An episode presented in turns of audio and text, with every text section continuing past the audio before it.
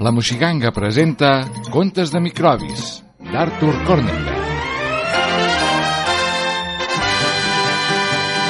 Amb les veus de Anna Bruc i Roger Garrós.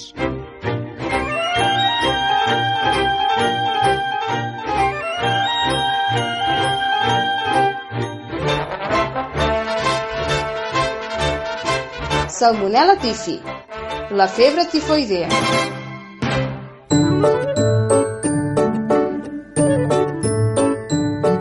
Roger, avui no has tastat res del teu plat. No sé pas què em passa. Sense gana m'he quedat. Estàs pàl·lid i no fa gens de bona cara. Tinc mal de cap i a més mal de panxa. L'endemà en Roger estava tot ell tubet. Quin mal que em fa tot. No em toquéssiu la panceta. 40 de febre el pobre tenia i el cos de puntets vermells se li omplia. En Roger tenia un mal misteriós. El metge sorprès se'l veia neguitós. En una veloç ambulància el porten a l'hospital. Havien de fer-li proves per saber quin era el mal. L'examen va descobrir qui provocava el desfici. El culpable era un microbi, la salmonella tifi. Amb la febre tifoidea va passar gairebé un mes.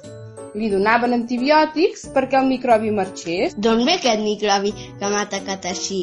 Ve d'algun lloc remot que no podem descobrir? Roger intenta recordar si alguna cosa estranya vas veure un menjar. I en Roger rumiava i tirava enrere, per saber on va ser i de quina manera. Recordo que una vegada, en un cert indret, estava força cansat i tenia calor i set.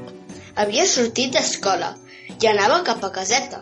El rierol semblava net i l'aigua baixava fresqueta. Vaig fer-ne un glob i la vaig trobar tan bona que en vaig beure molta i durant força estona. I van seguir rierol amunt fins a dalt de la muntanya, on van trobar una cabana feta de fang i de canya. Una dona que havia tingut febre tifoidea allà vivia. Semblava ja guarida, però encara la salmonella tenia. D'aquella casa sortia una antiga claveguera i els microbis lliscaven avall fins a arribar a la riera. Vigileu amb el menjar i amb l'aigua, que preneu fora de casa. De microbis dolents n'hi ha arreu i després passa el que passa. Si la febre tifoidea us ha fet emmalaltir, vigileu que algun microbi es podria escapolir.